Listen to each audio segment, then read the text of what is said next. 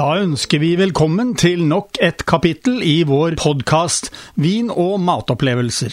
Som vi har gjort tidligere, vil vi tilby deg gode tips om mat og vin, ikke minst nyheter etter hvert som de kommer på Vinmonopolet. I tillegg til det vil vi ta spesielt for oss kombinasjoner av mat og drikke. Vær så god, det er servert.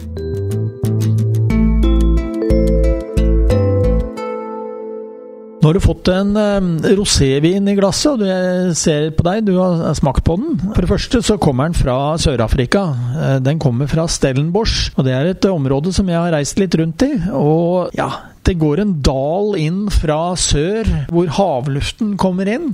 Og så innerst inne rundt Stellenbosch så har du utrolig eh, høye og eh, skarpe fjell. Så, så, der vil jeg tro at denne havluften den, eh, og fuktigheten den blir presset opp i dalen. Og så kan det hende at den må gi fra seg litt vann før den stiger over fjellene. Det, det vil jeg tro. Men altså, dette er en Kleinerost Fairtrade Pinotage Rosé. Den er faktisk så ny at den er fra 2020. 2020. Jeg har ikke drukket så mange viner fra 2020, egentlig. Og den er laget da kun på eh, nasjonaldruen der nede, nemlig pinotage. Og det er en uh, veldig tørr vin. Fin balanse uh, i syre. Og, og, Hvordan opplevde du denne, Jan Egil? Jo, det var Til å være en rosévin så syns jeg at den er ganske kraftig. Men uh, veldig sånn uh, Hva skal jeg si? Nesten sånn lyst på mat når jeg prøvde den. Det er sikkert en fin rosévin til forretter, til sjømat osv. Ganske kraftig. Uh, mye smak. Satt lenge i munnen. Tåler mye. Rosévin er jo i vinden. Og vi snakker om rosévin nå når vi er et godt stykke ute i september. Tidligere ville vi ha snakket om rosévin bare i mai. Eh, og grunnen til at vi tar opp en rosévin nå, det er jo fordi at mange andre også gjør det i Norge. Sesongen for rosévin har blitt mye lengre i Norge, og det konsumeres forholdsvis mye, mye mer rosévin i dag enn for 10-15 år siden. Og det er jo en enkel årsak til det. Antall varianter Vinmonopolet kan tilby oss i Norge er jo en uendelig mye større enn det var for 15 år siden. Eh, dette er en vin du ikke skal betale skjorta av deg for å få, nemlig 130 kroner. Og det er vel omtrent i det området som de fleste ønsker å spandere på en flaske vin. Ikke noe å si på det. Det som uh, man kan forundre seg litt over, det er jo at det er mulig å selge en vin fra andre siden av jorda i Norge for 130 kroner i dag. Men det, det går jo altså an. Så uh, jeg syns at dette er Kleiner Rost, som den heter. Det er en veldig attraktiv rosévin også fin å bruke til rette mer i, i retning forretter og sjømat, skalldyr. Grønnsaksretter, og jeg vil nå slå også et slag for aperitiff. For fra det jeg kjenner, så er det en delikat farge og en delikat smak på den. Innbydende på alle mulige måter, både utseendemessig, veldig fin eh, jeg vil si laks, mørk eh, lakserosa farge, også med sånn eh, veldig fint, fine aromaer av bær, røde bær, bringebær, jordbær. Nydelig vin.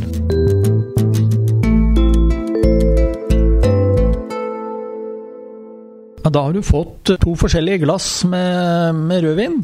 Det er eh, faktisk skal være samme rødvin eh, i begge glassene, men den ene er tappet fra eh, kartong, og det andre glasset der har vi tappet fra flaske. Det er en Lupi Reali Montepulciano d'Abruzzo. Det er en 2019-årgang, og ja Kjente du noe forskjell? For det er mange som spør. Er det forskjell på den vinen du får i kartong og i flaske? På denne vinen syns jeg det var overraskende egentlig lite forskjell. Men jeg opplevde andre viner hvor um, bag-in-box-vinen har vært ganske annerledes enn den jeg har tilvendt meg gjennom samme varemerke, samme vinmerke, samme årgang òg faktisk, på uh, flaske.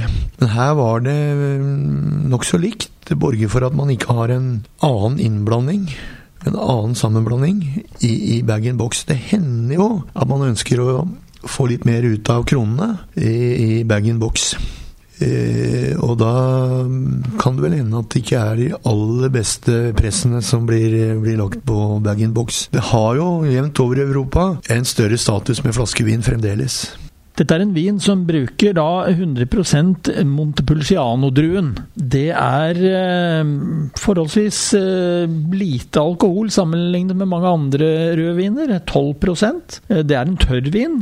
Ja, bør serveres litt, eh, litt avkjølt, ble vi fortalt, fordi det vil gi litt mer karakter på vinen. Hvordan fungerte det for deg, Jan Egil? Ja, jeg syns det fungerer veldig bra. Jeg har i løpet av sommeren irritert meg litt over at rødvin blir servert for, med for høy temperatur. Og det jeg syns mye, mye, mye, av det spesielle med de forskjellige vinene blir borte. Det blir liksom litt sånn rosinaktig det hele. Fordi man har latt vinen stå litt framme i, i, sola. Så et par ganger har jeg faktisk bedt om at de setter rødvin i, i, en kjøler for å få ned temperaturen, og få fram eh, karakteren. Er, man skal ikke gå for langt ned i temperatur.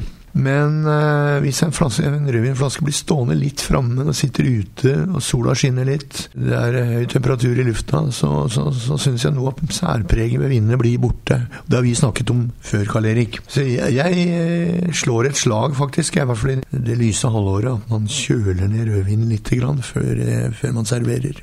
Og hva kan vi bruke denne vinen til, da? For det første så syns jeg at uh, prisen er uh, veldig gunstig. 120 kroner. Den fins eh, i basisutvalget, kategori 3. mange butikker har den. I hvert fall her på Østlandet, men også andre steder i landet. Jeg syns det er en veldig anvendelig vin, og jeg vil også ikke bare tenke mat. Dette er en, en hyggelig vin bare å ta. Et glass. En holdt på å si nesten en hverdagsvin. Skal ikke ta til orde for at folk drikker for mye midt i uka, men, men en vin som, du, som, det er en overkommelig pris på, og som ikke gjør noe bruker til Behøver ikke ha en stor anledning, for å si det på den måten. Og skulle du da ha, ha litt uh, mat, så tror jeg det er litt lettere kjøttretter enn det vi uh, um, har snakket om flere ganger her i dette programmet. Ja, jeg vil tro kylling, lyst kjøtt pastaretter uten for mye sterk smak. Det er jo ikke en tung, kompleks vin, dette her. Dette er en hverdagsvin.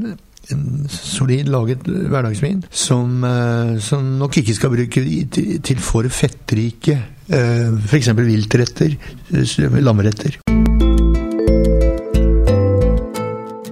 Har du fått dagens podkast fra Radio Riks Oslo om mat og vin. Hvis du ønsker å abonnere på den, slik at du får den automatisk når nye blir lagt ut, kan du gjøre det. Kommende mandag får du neste kapittel. Vi høres!